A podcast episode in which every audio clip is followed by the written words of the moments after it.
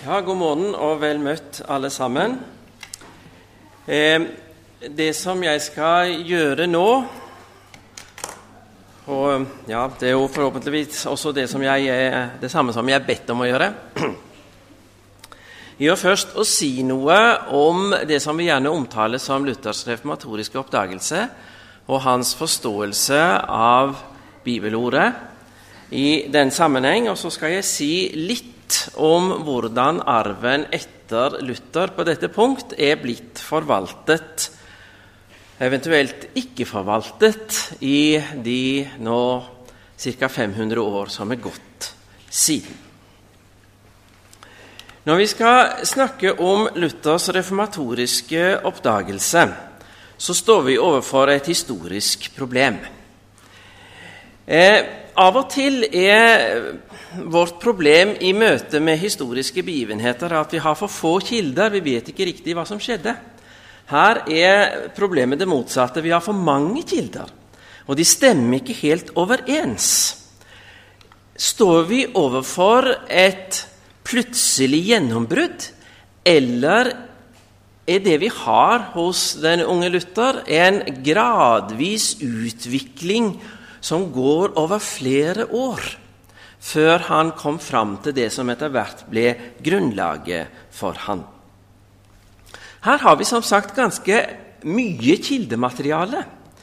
Vi har manuskriptene til de forelesningene som Luther holdt for sine studenter på universitetet i Wittenberg fra 1513 av, da han begynte å forelese der, og i årene framover. Noen tilfeller har vi også notater fra studentene. Og i ett tilfelle, Galaterbrevsforelesningen, så utga Luther den også i trykk. Så har vi noen disputastekster som Luther laget for eh, akademiske disputaser på universitetet i Wittenberg, der vi kan også følge hans teologiske utvikling, at det at han gradvis blir mer og mer kritisk til den rådende skoleteologi på universitetene. Så har vi oppbyggelige skrifter som Luther dels utga og dels skrev selv i denne tiden. Og alt dette blir et ganske stort kildemateriale. Og så har vi jo det som i utgangspunktet kanskje skulle være den viktigste teksten her, og for så vidt også den som jeg kommer til å legge mest vekt på. Nemlig Luthers egen redegjørelse for det som han selv kaller for sin reformatoriske oppdagelse eller sitt, eller sitt eh, teologiske gjennombrudd. Problemet med denne teksten er at den er skrevet på bortimot 30 års avstand. Den er nemlig en fortale som Luther skrev første gangen noen kom på den lure idé at vi må jo utgi Luthers samlede skrifter. Det skjedde året før han døde, og eh, Luther var jo blitt en eldre mann. Året før han døde, var Luther akkurat like gammel som jeg er nå. Eh, men han følte seg nok litt eldre, eh, og var nok klar over at døden ikke var så langt unna. Og Da kom noen til han med den tanke at jo, du har jo skrevet så mye, og blitt en berømt mann, så nå må vi utgi dine samlede skrifter. Nei, sa Luther, det er ingen god idé. Andre har skrevet så mange andre bøker, og dere bør i hvert fall lese Bibelen. Eh, så kan det bare være med mine skrifter. Ja, men, sa de, hvis ikke du samarbeider med utgivelsen av dine samlede skrifter, så kommer vi til å gi de ut uansett etter at du er død, og da blir det bare kaos. Hvis du hjelper oss med dette, så blir det i hvert fall litt bedre. Ja vel, sa Luther, skal jeg hjelpe dere. Og så skrev han denne fortalen, der han redegjør for sin teologiske utvikling og hva som skjedde i disse, i disse første årene fram til han ble en offentlig kjent person. Og i denne teksten er det han da gir sin mest berømte eh, redegjørelse for det som der beskrives som et avgjørende gjennombrudd. Og der beskrives det som noe som plutselig skjer. Men hvis vi går gjennom alle de andre tekstene, så ser det ut som en mye mer gradvis utvikling. Og Det har Luther-forskere grublet mye over og spandert mye blekk på å finne ut av når, når skjedde akkurat dette, og, og, og, hvor, eh, og, hvordan skal vi egentlig forstå det. Nå har jeg tenkt å la det problemet ligge Og Så skal vi rett og slett lytte litt til hvordan Luther selv beskriver dette. Det er riktignok skrevet på 30 års avstand, og noen hver av oss kan være litt upresis når vi skal gjengi fortellingen om det som skjedde i livet vårt for 30 år siden, selv om det var aldri så viktig. Men tross alt, dette er Luthers egne ord, og her framstiller han som en eldre og erfaren reformator det som i hvert fall i ettertankens lys sto for ham som det avgjørende. Slik han framstiller det, så var det problemet han strevde med, forståelsen av én bestemt bibeltekst, nemlig Romerbrevet kapittel 1 vers 17, der det står For i evangeliet åpenbares Guds rettferdighet av tro til tro, slik det står skrevet:" Den rettferdige skal leve ved tro. Guds rettferdighet står det om her. Og Luther hadde av sine lærere på universitetet lært å forstå Guds rettferdighet primært som det han her beskriver som Guds aktive rettferdighet, nemlig det at Gud er rettferdig når han dømmer oss. Og det er både visst og sant og rett. Det er en sentral bibelsk tanke, og Luther var aldri, verken da eller siden, kritisk til denne tanken i og for seg. Når Gud dømmer syndere med en streng dom, da er Gud rettferdig. Det er både visst og sant. Problemet er at denne strenge, dømmende, straffende Gud kan aldri skape kjærlighet til Gud. Og det kan heller ikke roe samvittigheten. For når en går og grubler på sitt eget indre, som den fromme munk Martin Luther gjorde både dag og natt, så blir en ikke nødvendigvis å roe til sin samvittighet ved å høre gjentatt om igjen og om igjen at Gud er en rettferdig dommer, og at han har rett når han holder dom, selv om det er aldri så sentralt og bibelsk og godt. Men det som virkelig skjerpet Luthers problem i møte med denne teksten, er jo at denne teksten jo sier at Guds rettferdighet også åpenbares i evangeliet. Og da er det jo virkelig ikke noe sted å fly. Er Gud den strenge, straffende, rettferdige, dømmende hersker? Og er det dette også evangeliet handler om? Ja, da kan vi virkelig bare pakke sammen, for da er det ikke noe sted å gjemme seg. Det som ble løsningen for Luther på dette problemet, var det han selv beskriver som at han ble oppmerksom på sammenhengen mellom ordene. Han formulerer seg sånn som det. Connexio verborum, sier han på latin. Altså, Han leste teksten nøyaktig slik den sto. Og, gruble, og, da så han at han gikk helt feil hvis han tok dette uttrykket 'Guds rettferdighet' ut av teksten og grublet på det for seg selv. Men hvis han leste hva der virkelig sto, så så han at her handler det om noe annet. Ordet må få sin mening fra den måten det brukes i sammenhengen. Guds, og da står det her at Guds rettferdighet åpenbares i evangeliet Altså, Det er ikke slik at det er Guds rettferdighet som definerer hva evangeliet handler om. Ut fra teksten må vi forstå det omvendt. Det er evangeliet som handler om Guds gave til oss, som forklarer for oss hva Guds rettferdighet er. Den er en gave som det som det også står i den samme teksten, gis og tas en gave som gis oss og som tas imot i tro. I evangeliet åpenbares Guds rettferdighet av tro til tro, slik det står, skrevet. Den rettferdige skal leve ved tro. Guds rettferdighet, slik den er beskrevet her, er ikke Guds dømmende og straffende rettferdighet. Det er Guds gave som gis, og som tas imot i tro. Og det, sier Luther, det var en oppdagelse som var helt nyskapende for ham. Han følte det som om paradisets porter var åpnet, og han kunne gå fritt inn. Han rett og slett var tilbake i Edens hage igjen. Og han oppdaget at dette var et mønster som går igjen i hele den bibelske åpenbaring eh, når den snakker om Guds verk så snakker den om Guds verk i oss. Det som han gjør i oss og med oss for å føre oss til frelse. Når den snakker om Guds kraft, så snakker den om den kraft som Gud styrker oss med. Og når den snakker om Guds visdom, så snakker den om den visdom som Gud gjør oss vise ved.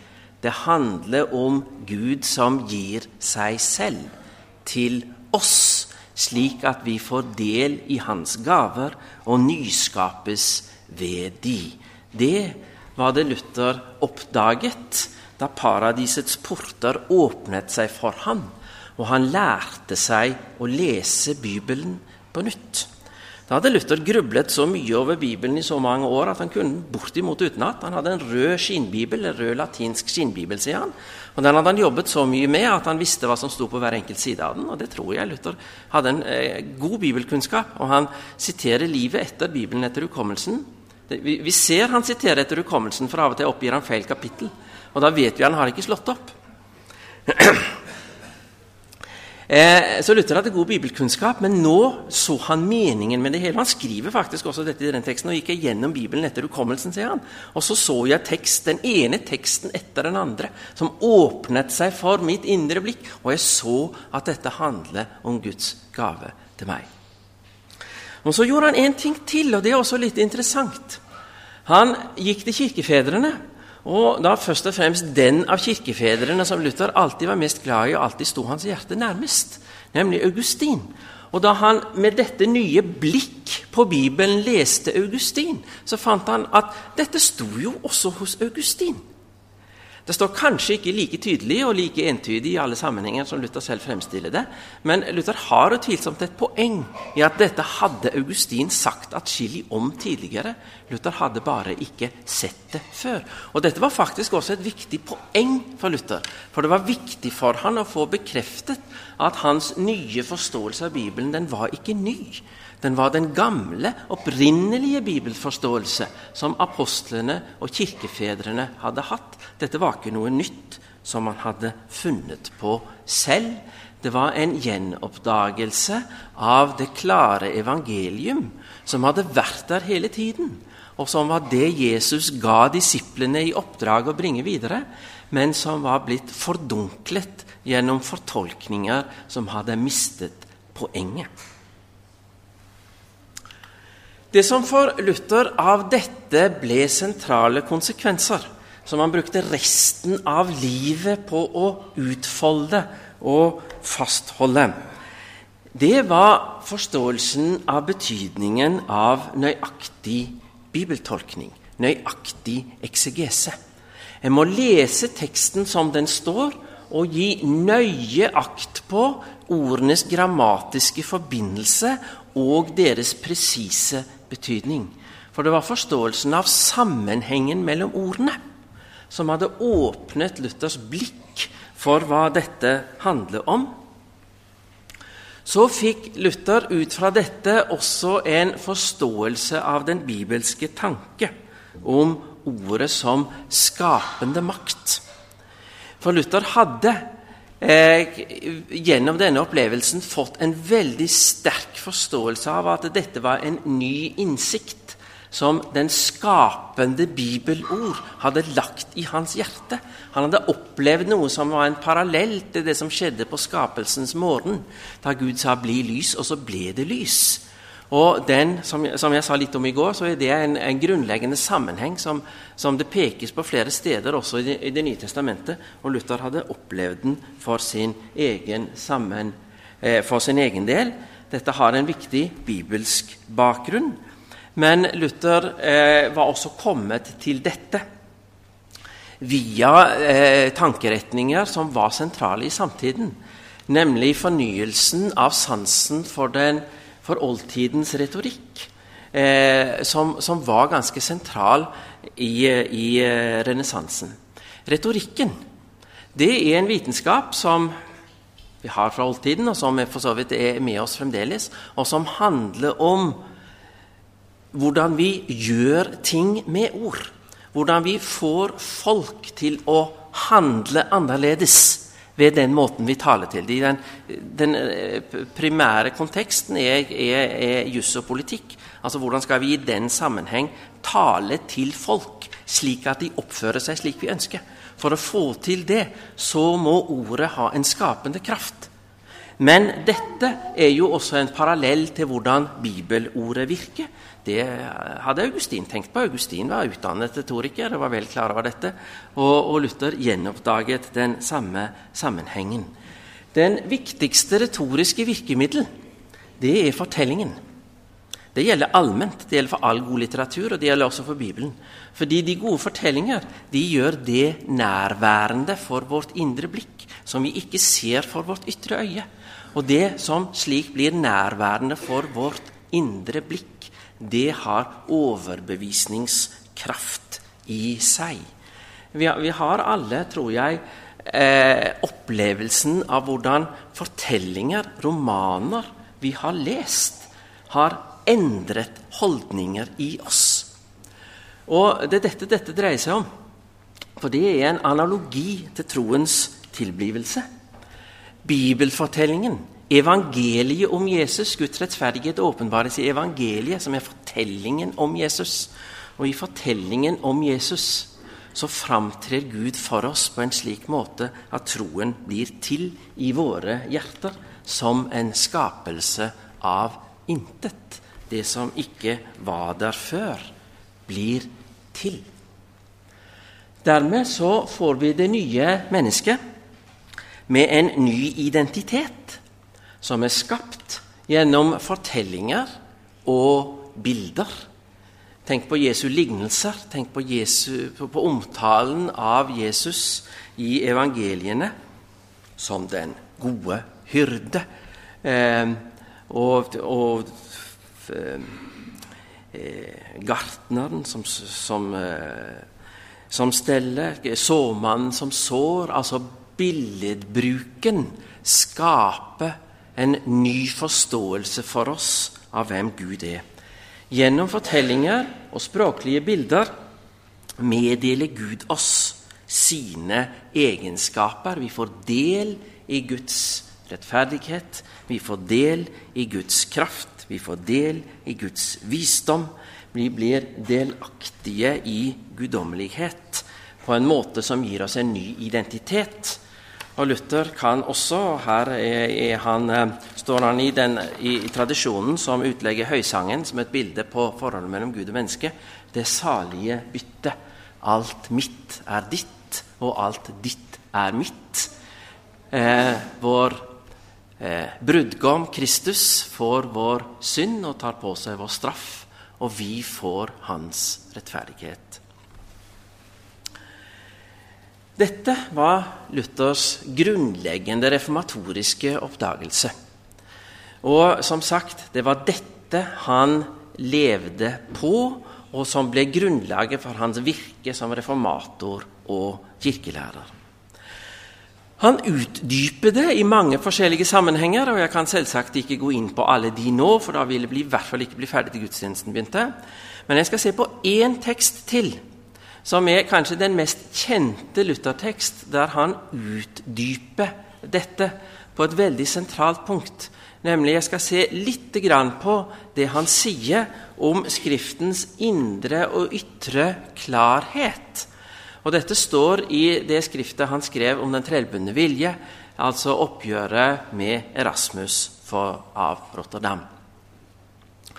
Og forutsetningen ja, jeg, det, det, blir, det, går litt høyt, ser jeg. dette her. Eh, men jeg håper dere klarer å følge med. Takk. Eh, foranledningen for at Luther tar dette opp, er at Erasmus i innledningen til sin bok om den frie vilje så refererer Erasmus til en bestemt bibeltekst. Og Jeg har for så vidt allerede vært innom den samme teksten i det jeg har snakket om her tidligere, for Erasmus viser til Romerbrevet kapittel 11, 33, hvor det står følgende Dyp av rikdom og visdom og kunnskap hos Gud, hvor uransakelige hans dommer er, hvor ufattelige hans veier. Og Erasmus utlegger denne bibelteksten ved å anvende den på Bibelen. Og sier at se, Luther, se hva som står her om Gud. Gud er uforståelig, han er uransakelig. Og dette må vi også anvende på den bibelske åpenbaring. Den handler om ting som ligger for høyt for oss. Vi får ikke tak i dette. Derfor har du har skjønt litt, og jeg har skjønt litt. Og, men vi må la de avgjørende spørsmålene må vi egentlig stå åpne. Og, og, og, vi kan ikke liksom presse hverandre for hardt på presise teologiske definisjoner. Se på denne bibelteksten, sier Rasmus til Luther. Eh, her står det jo Guds veier er uransakelige. Hvordan kan du da komme og påstå at du har skjønt det hele, og at vi må bøye oss for din dom? Her må vi la spørsmålene stå åpne, og hvis vi absolutt må leve med en avgjørelse, så får vi overlate den til Kirkens autoriteter, men ellers må vi liksom gi, gi debatten rom. Han formulerer seg egentlig som en, som en god, moderne teolog. Her, det, her må vi ha en debattrunde til, og så utover det må vi la spørsmålet stå åpent. Eh, Luther tar dette som utgangspunkt for et ganske interessant svar. For han sier at jo da, jeg har lest Roman 1133 også, og jeg har faktisk grublet en del på hva det betyr også, men det betyr ikke det du sier. For du leser jo ikke teksten som den står, sier han. Han sier ofte det til Erasmus. Du leser ikke det som står. For hva står det her? Jo, det står at Gud er uforståelig. Og det er helt greit. Vi eh, skal ikke gjøre oss håp om å kunne skjønne Gud til bunns. Men denne teksten sier ikke noe om at Guds åpenbaring er uforståelig.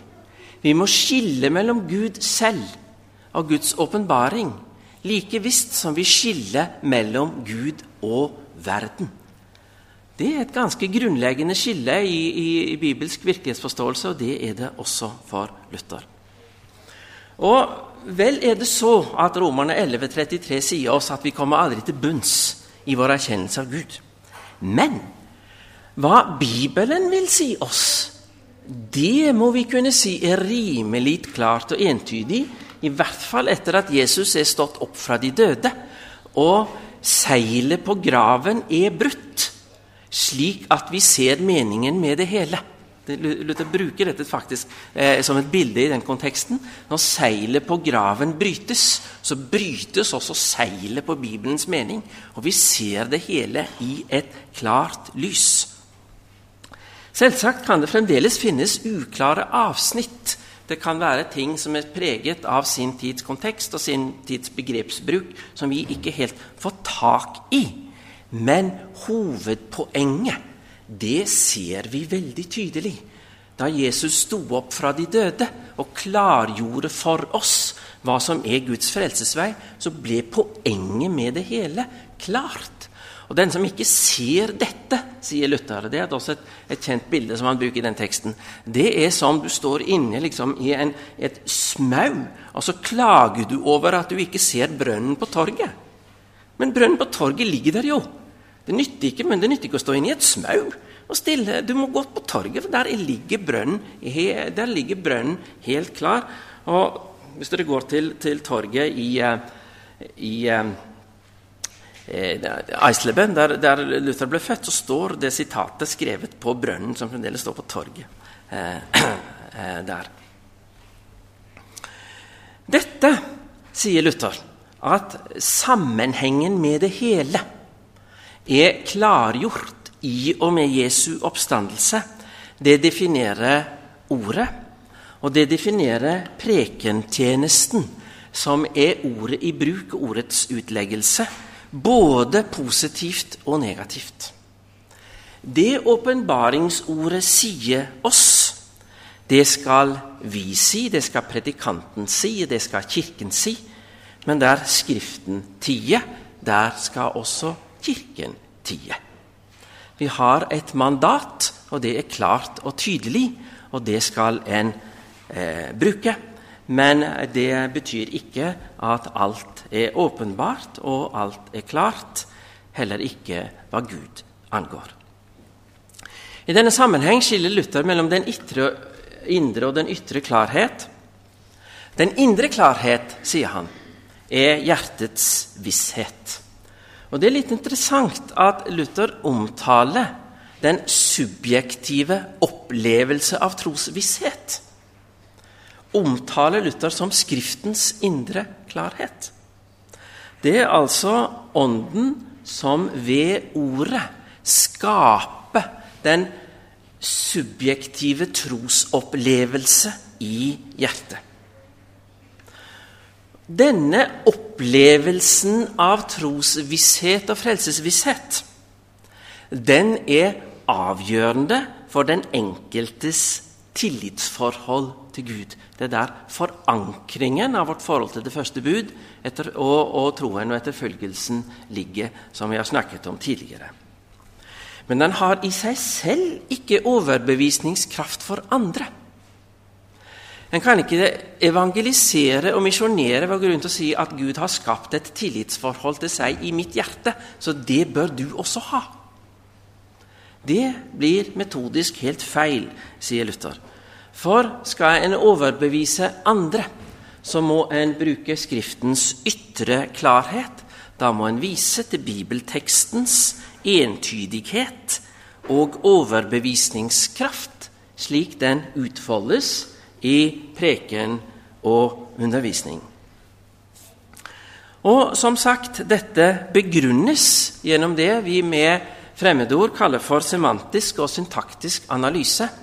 Semantisk analyse vil si forståelse av det ordene betyr studert så presist og nøyaktig som en kan på grunnlag av forfatterens og andres bruk av, av, av, ordene.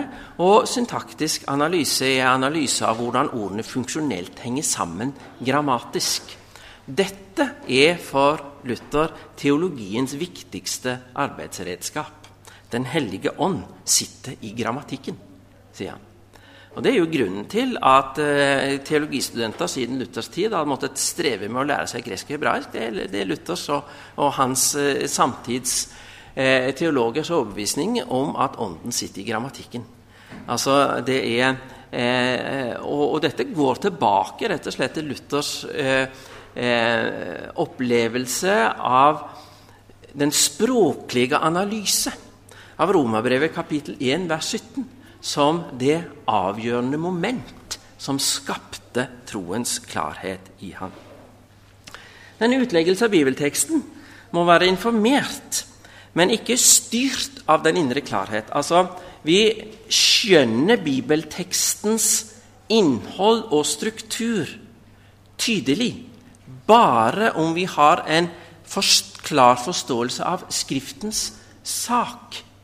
Ellers blir det som, som Paulus sier om, om, jødene som leser Bibelen, som leser Det gamle testamentet med et slør over øynene. De, de, de, skjønner ikke poenget, og dermed så får de ikke helheten. Og det preger også fortolkningen av, enkelt, eh, av enkelttekstene. Bibeltekstene skal leses i lys av kontekst, og her snakker Luther om den store og den lille konteksten. Den lille konteksten er nærkonteksten, sammenhengen den enkelte tekst står i, Guds rettferdighet, belyses ved det den i sammenhengen sies om evangeliet og troen. Den store konteksten er den helbibelske konteksten, som slik Luther ser det, er identisk med trosbekjennelsen. Den helbibelske kontekst er det samme som den apostoliske og den ikenske trosbekjennelse. Fordi dette er velprøvde måter å sammenfatte den bibelske helhet på. Det en finner ut når en leser Bibelen på denne måten, observant bibellesning av det som faktisk står, informert av en forståelse av den store helhet, det er bindende for Kirken, til den eventuelt overvinnes av en bedre teksttolkning. Og Det kan for så vidt aldri utelukkes at vi i eh, ulike spørsmål kan komme til en klarere forståelse av helheten i det bibelske vitnesbyrd. Dette, sier Luther, er teologiens grunnlag, og det er teologiens grense. Det faller sammen med det som er Skriftens sak, altså det åpenbaringsinnhold den vil formidle til oss. Dette er fortellingen om Jesus som sann Gud og sant menneske, og at denne fortellingen har åpnet veien til delaktighet i guddommelighet gjennom de midler Jesus har innstiftet, og som Den hellige skrift klart redegjør for. Så sier Luther noe interessant som vi som teologer kanskje kunne ha gjort klokt i å legge oss mer på sinne enn det vi ofte gjør. Der sier Luther at alle viktige spørsmål, alle teologisk viktige spørsmål har entydige svar i Skriften. Men ikke de uvesentlige. Eh, eh, selv om de i og for seg, for sett fra vårt utgangspunkt, kan, kan eh, være sentrale nok eh, eh, Jeg kan peke på to eksempler som Luther her eksplisitt peker på. Nemlig den presise forståelsen av forholdet mellom Guds nåde og Guds vrede, altså utvelgelsesproblemet. Dette har Gud ikke gitt oss innsikt i, sier Luther. Og Da får vi la den endelige, det, endelige svar på det spørsmålet fare. Det får vi ikke på denne siden av gjenkomsten. Om vi får det i den himmelske herlighet, det får vi vente og se. Her er det ting som vi, eh, som vi ikke har full innsikt i, eh, fordi den Guds åpenbaring slik den foreligger i Skriften, rett og slett ikke gir oss det. Og Det er også mange eksempler på nestekjærlighetens konkretiseringer som vi er, er der, der, vi får lov å være kreative på egen hånd. Eh, vi, vi, har et, vi, har gitt et, fundament, men, eh, er, og, noen konkretiseringer har vi i de ti bud og i formaningene i Det nye testamentet, men det er mange, eh, mange ting, mange utfordringer vi står overfor i dagliglivet, der vi må hente de den, det generelle fundament fra Skriften, men må være så gå videre og være kreative på egen hånd.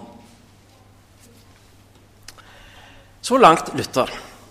Så skal jeg si litt om utviklingen gjennom de 500 år som har gått siden De omtrent 500 år som har gått siden Luthers reformatoriske oppdagelse. For øvrig så altså, en, en liten parentes. Eh, Lutherforskere har jo grublet som sagt mye på når dette skjedde.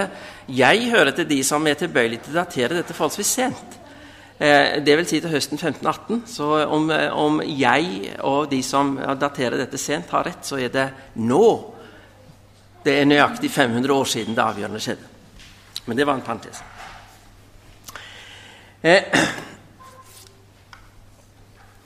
Det skjer en viss forskyvning i bibelforståelse fra Luther og til den lutherske ortodoksi. Ikke noe avgjørende brudd, men det blir en litt annen tyngdepunktsmarkering.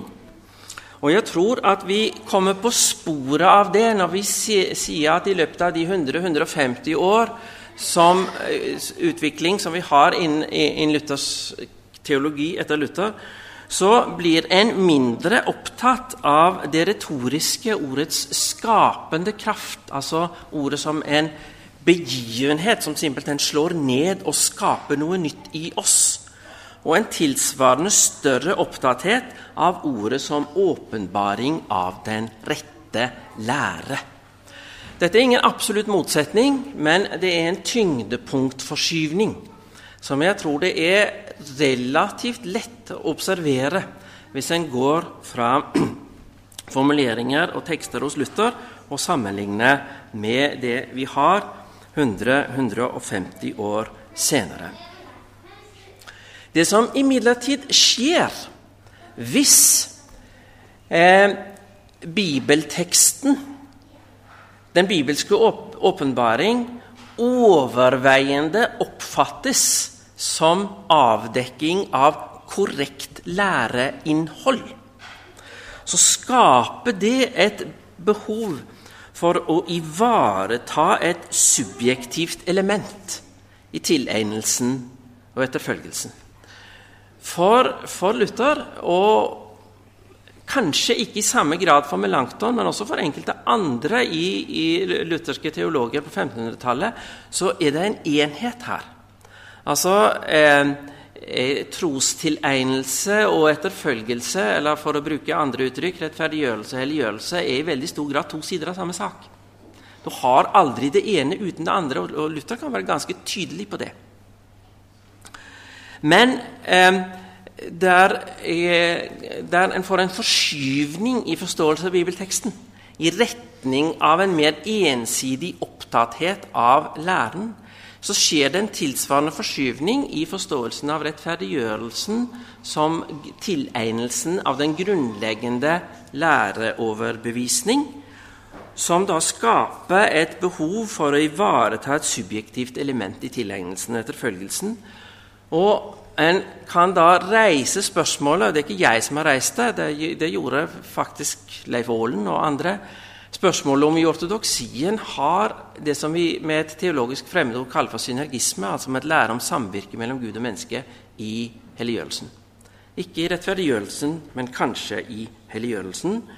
Og denne utviklingen fortsetter i pietismen der en jo med all rett må kunne reise spørsmålet om vi ikke har en tanke om samvirke mellom Gud og menneske også i rettferdiggjørelsen. Og det åpner våre øyne for at vi i forhold til Luther, også innenfor protestantisk teologi, må kunne snakke om en alternativ modell når det gjelder de grunnleggende, de bærende elementer i, i, uh, i bibelforståelsen.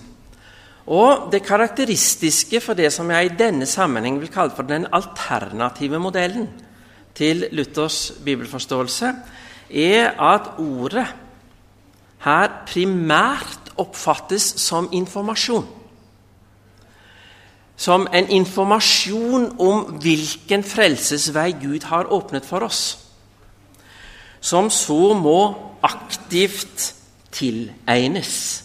Altså, Han har mistet dette, eh, denne forankringen av enheten mellom de to som for Luther var forankret i forståelsen av ordet som skapende, og i den eh, retorikkens forståelse av ordet som overbevisningskraft, altså ordet endrer våre holdninger og vår atferd når det virker i oss. Når ordet oppfattes som informasjon, så, så blir det en subjektiv rest som en må ha ved aktiv tilegnelse. Dette ser vi veldig tydelig i senmiddelalderen. Fordi i senmiddelalderen, altså den teologiforståelse som Luther var opplært i på universitetet, og som han gjorde opprør mot, så ble den bibelske åpenbaring ganske, eh, ganske entydig forstått som kunnskapsmeddelelse, som så måtte tilegnes aktivt, subjektivt, og den formuleringen brukte på det, var tro formet i kjærlighet. Tro da forstått som kunnskap om den rette frelsesvei, og dette må formes i kjærlighet. På latin kalte de dette for 'fides caritate formata', som altså betyr tro formet i kjærlighet. I protestantismen har en en ganske parallell måte å tenke på innen den retning som vi kaller for arminianisme. Uten at jeg i denne sammenheng skal gå veldig langt inn på hva arminianisme er for noe, så kan jeg enkelt beskrive det som, som en, som en eh, forståelse av åpenbaringen som meddelelse av, det, av frelsesveien som en så må tilegne seg ved en viljesavgjørelse. altså en forståelse av omvendelsen som menneskets aktive respons på Guds tilbud om frelse. Eh, eh, både senmiddelalderen og arminianismen forstår frelsen som en tretrinnsprosess, der Gud først åpenbarer for oss sitt frelsestilbud. Så stilles mennesket fritt til å ta en avgjørelse om dette er noe en vil slutte seg til eller ikke. Det er trinn to. Og trinn tre er da at om Guds frelsestilbud besvares med menneskets helhjertede ja, så vil det krones med Guds frelsende nåde. Det er en ganske vanlig måte å tenke på. Og det som er Mitt poeng i denne sammenhengen er at den er grunnleggende og prinsipielt forskjellig fra Luthers måte å tenke om ordet på. For Luther tenker om ordet som skapende. I det at det skaper en ny holdning i oss. Og den subjektive opplevelse av avgjørelse og trosbekjennelse, som er et vesentlig element i troens tilegnelse, er en konsekvens av ordets skapende gjerning i oss, og ikke menneskets selvstendige svar på frelsestilbudet. Det er et veldig karakteristisk forskjell mellom Luthers måte å tenke om ordet og troens tilblivelse på, og det som vi har innenfor veldig mange andre former for protestantisme, som vi da med, med å bruke et øh, eh, navnet fra en, fra en, teolog slutten av 1500-tallet som het Arminius, kaller for arminianisme. Det som er et ganske markant kjennetegn på arminianisme eller frivilligteologi, er at helliggjørelsen får stor og selvstendig betydning. For det er i helliggjørelsesprosessen det avgjørende skjer. Og Dermed så får vi det som jeg i går snakket om, som totrinnsteologi. Der eh, rettferdiggjørelsen og liksom eh, det å ta imot eh, frelsestilbudet, det blir liksom det, det, grunnleggende. Det er et stadium som en, eh, som en, passerer, og så går en videre til det avgjørende. Eh, eh, der, der det avgjørende skjer. Dette ser en i mange former for protestantisk kristendom men der en ser det aller tydeligst i, eh, i nyere protestantiske eh, vekkelsesbevegelser, det er i den karismatiske fokus på, på tungetale og helbredelse. Eh, vi ser det veldig tydelig i eh, det som vi gjerne kaller for herlighetsteologi, som, som begynner med, med Esse Kenyon på slutten av 1800-tallet, altså før pinsebevegelsen men er veldig sterkt utviklet til hans viktigste disippel i det 20. århundre, Kenneth Hagin, og deres vekt på helbredelsens betydning, men vi ser det generelt i de karismatiske vekkelsene, med det fokusen der får for åndsdåp på tungetale, som er veldig tydelig tegn på den, denne totrinnsmodellen, der det liksom jo, vi har en, en, en åpenbaring av frelsesveien gjennom, gjennom Jesu oppstandelse og hans soning for død. Men det er liksom et trinn én som man legger bak seg, og så må man gå videre til der det avgjørende skjer.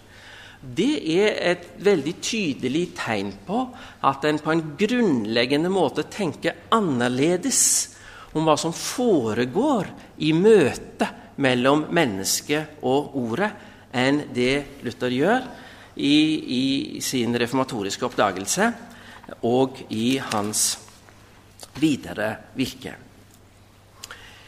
Men la nå eh, eh, eh, pinsevenner og karismatikere eh, seile sin egen sjø eh, akkurat nå. Et, et, vel så, et vel så vanlig eksempel på en sånn totrinnstenkning som vi også møter i, i andre teologiske sammenhenger, er en historiserende bibelbetraktning. Der målsettingen ikke er å finne det avgjørende det teologiske i analyse av Bibelens tekst. Han lytter det veldig tydelig på. men en vil bak ordene til den historiske sannheten som ligger bak ordene.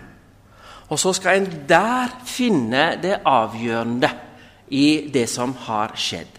Dette kan en finne i ulike former i, eh, i, i kritisk bibellesning, som mener at historien må rekonstrueres relativt fritt i forhold til det tekstene sier. Eller en kan eh, finne det i former som mener at det er et mer eller mindre eksakt samsvar mellom det som faktisk skjedde, og det bibelteksten sier. Men felles er at en ser den, det avgjørende i eh, noe som ligger forut for bibelteksten, som så må gjenopplives gjennom den subjektive tilegnelse av det som skjer, som kan være gjennom karismatikk, men som i protestantisk eh, eh, eh skoleteologi har skjedd på helt andre måter. Og nå, Hvis jeg hadde hatt en time til nå, så kunne jeg gått gjennom eh, den protestantiske teologi eh, de siste 200 år og vist ulike eksempler på det. Men jeg skal bare gjøre det i stikkordform nå. Vi skal, jo, vi, vi skal, komme til gudstjenesten. Det er det som, det som, er poenget. Det er der vi har ordet i bruk. Så jeg skal snart gå inn for landing. Men eh, i begynnelsen av 1800-tallet, gjennom en teolog Det, det 19. århundrets kirkefader, som han ble omtalt holdt, som heter Schleiermacher, som snakket om følelsens betydning. Altså Åpenbaringen skjedde en gang, men nå må vi gjenopplive det gjennom en eh, subjektiv opplevelse av trosinnholdet. Gjennom moralsk bevissthet, som er den klassiske liberalteologi på 1800-tallet sin måte å tenke om dette. Altså vi eh, Jesus skulle lære oss om moralen. Og selv om bibelteksten ikke alltid sier det, så må vi bak bibelteksten til den historiske sannhet, og da vil vi se det. Eller vi kan si som Boltmann at vi kommer ikke til noen sannhet bak teksten i det hele tatt, og dermed så må vi eh, ta det som en utfordring til å forholde oss til virkeligheten gjennom en eksistensiell tilegnelse. Eller en universalhistorisk analyse. Dette er eh, 200 års eh, protestantisk teologihistorie på tre minutter. Og, eh, er, eh, så Poenget er ikke her å gi en utdypende analyse av dette, men poenget er å vise at modellen for teologisk tenkning her er grunnleggende annerledes enn hos Luther. Det er en eller annen åpenbaring som har skjedd en eller annen gang, men den ligger litt sånn i det dunkle. Som Erasmus sier, vi, vi har liksom ikke helt taket på den. Men så må vi foreta en aktiv tilegnelse. Og Erasmus, som den gode katolikken var, han sa at da kan vi gå til paven og spørre hva han sier.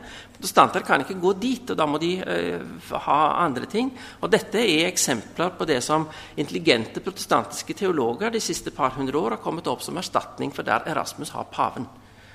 Må vi, uh, sånn må vi tilegne oss dette for at dette skal ha aktuell betydning.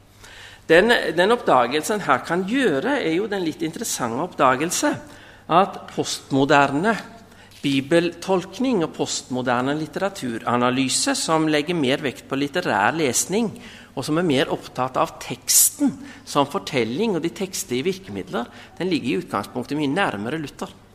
Eh, den, eh, og den ligger også mye nærmere den førmoderne kirkelige bibelutleggelse enn det en typisk moderne, historisk distanserende holdning til Bibelen har, som, som er interessert i å få tak i facts. Eh, Luther er ikke så ensidig interessert i facts, han er mye mer interessert i teksters eh, litterære betydning. Ikke fordi at det som skjedde, var uinteressant, men det som er vesentlig for oss, er hvilken betydning dette har for oss nå. Helt avslutningsvis noen aktualiserende perspektiver. Hvis vi ønsker å stå i en viss kontakt med Luther, og for så vidt også den, den klassiske førmoderne oldkirkelige bibellesning, som ikke er så veldig ulik hverandre, så må vi ta utgangspunkt i en forståelse av Bibelen som litterær enhet, altså Bibelen som kanon. Som og, og den bibelske kanon må være ramme for fortolkningen. Også slik at vi leser Det gamle og Det nye testamentet i forhold til hverandre. Og jeg har ofte forundret meg over hvor, eh, hvor vanskelig det i enkelte sammenhenger er å vinne gehør for dette som i og for seg skulle være et helt selvfølgelig synspunkt. For vi har jo bare Bibelen som kanon. Og Grunnen til at de ulike bibeltekster er viktige for oss, er jo at de av den kristne kirke, og for Det gamle testamentet først den, den, den Eh, den jødiske tradisjonen, ble samlet til en litterær enhet. Altså, Bibelen er interessant for oss slik den framstår som en litterær enhet. Og Det er også grunnen til at en del tatt leser bibeltekster, og ø, også i akademisk sammenheng. Det åpner for en kristosentrisk, en Jesus-sentrert lesning av Det gamle testamentet, som er Kirkens bok fordi det var Jesu bok, og som var Jesu bok på den måten at Jesus forklarte sine disipler at dette handler om meg. Og da må det også gjøre det for oss. Når vi leser en bok, så vil vi gjerne være tilbøyelig til å forstå helheten i lys av de avsluttende poenger. Tenk på en kriminalroman der liksom helheten først får betydning når du har sett løsningen. Bibelen kan leses som kriminalroman, og den avgjørende betydning er det som kommer henimot slutten, det kommer i hvert fall godt etter midten, nemlig Jesu oppstandelse. Som gjør meningen med det hele klart, altså sammenhengen i plottet. Helheten klargjøres i og med Jesu oppstandelse. Så er det selvsagt ikke uinteressant å spørre i forhold til ulike bibelske begivenheter har dette faktisk skjedd eller ikke hva oppstandelsen angår, så gjør jo Paulus selv opptrykkelig oppmerksom på at har dette ikke faktisk skjedd, så er vår tro ingenting. Men det gjelder ikke alle begivenheter og alle litterære sjangre i, i Bibelen. Eh, historisk faktisitet har ulik betydning i ulike sammenhenger. Bibelens store sak er Jesus som den levende Herre. Jesus sto opp fra de døde. Og når vi samles til gudstjeneste, som vi skal gjøre i dette rom om en halv times tid, så, er, så kommer Jesus og er til stede nærværende iblant oss i ord og sakrament. Og det er det det hele dreier seg om. Det dreier seg om den oppstandenes nærvær, formidlet ved Ånden gjennom ord og sakrament. Og når den oppstandende er nærværende hos oss, så skaper han den tro som manifesterer Guds rikes nærvær i verden. Bibelen brukes bare rett når den eh, aktualiseres på en slik måte at Jesus er her nå. Mister vi dette poenget, Altså Blir bibelutleggelsen på en eller annen måte historiserende i den forstand at det avgjørende bibelutleggelsen blir det som en gang skjedde, så blir aktualiseringen alltid moraliserende. For da faller fundamentet vekk. Altså Da blir ikke den eh, Faderens skaperkraft i Sønnen formidlet ved Ånden, det som bærer vårt gudstjenesteliv og vår bønn. Og da blir utleggelsen moraliserende. Da må vi på en eller annen måte gjøre så godt vi kan. Men slik er det ikke. Kristus er den nærværende hersker og herre. og Derfor skal jeg avslutte med det samme bildet som jeg begynte med på torsdag. Kristus som den seirende herre hos oss her og nå.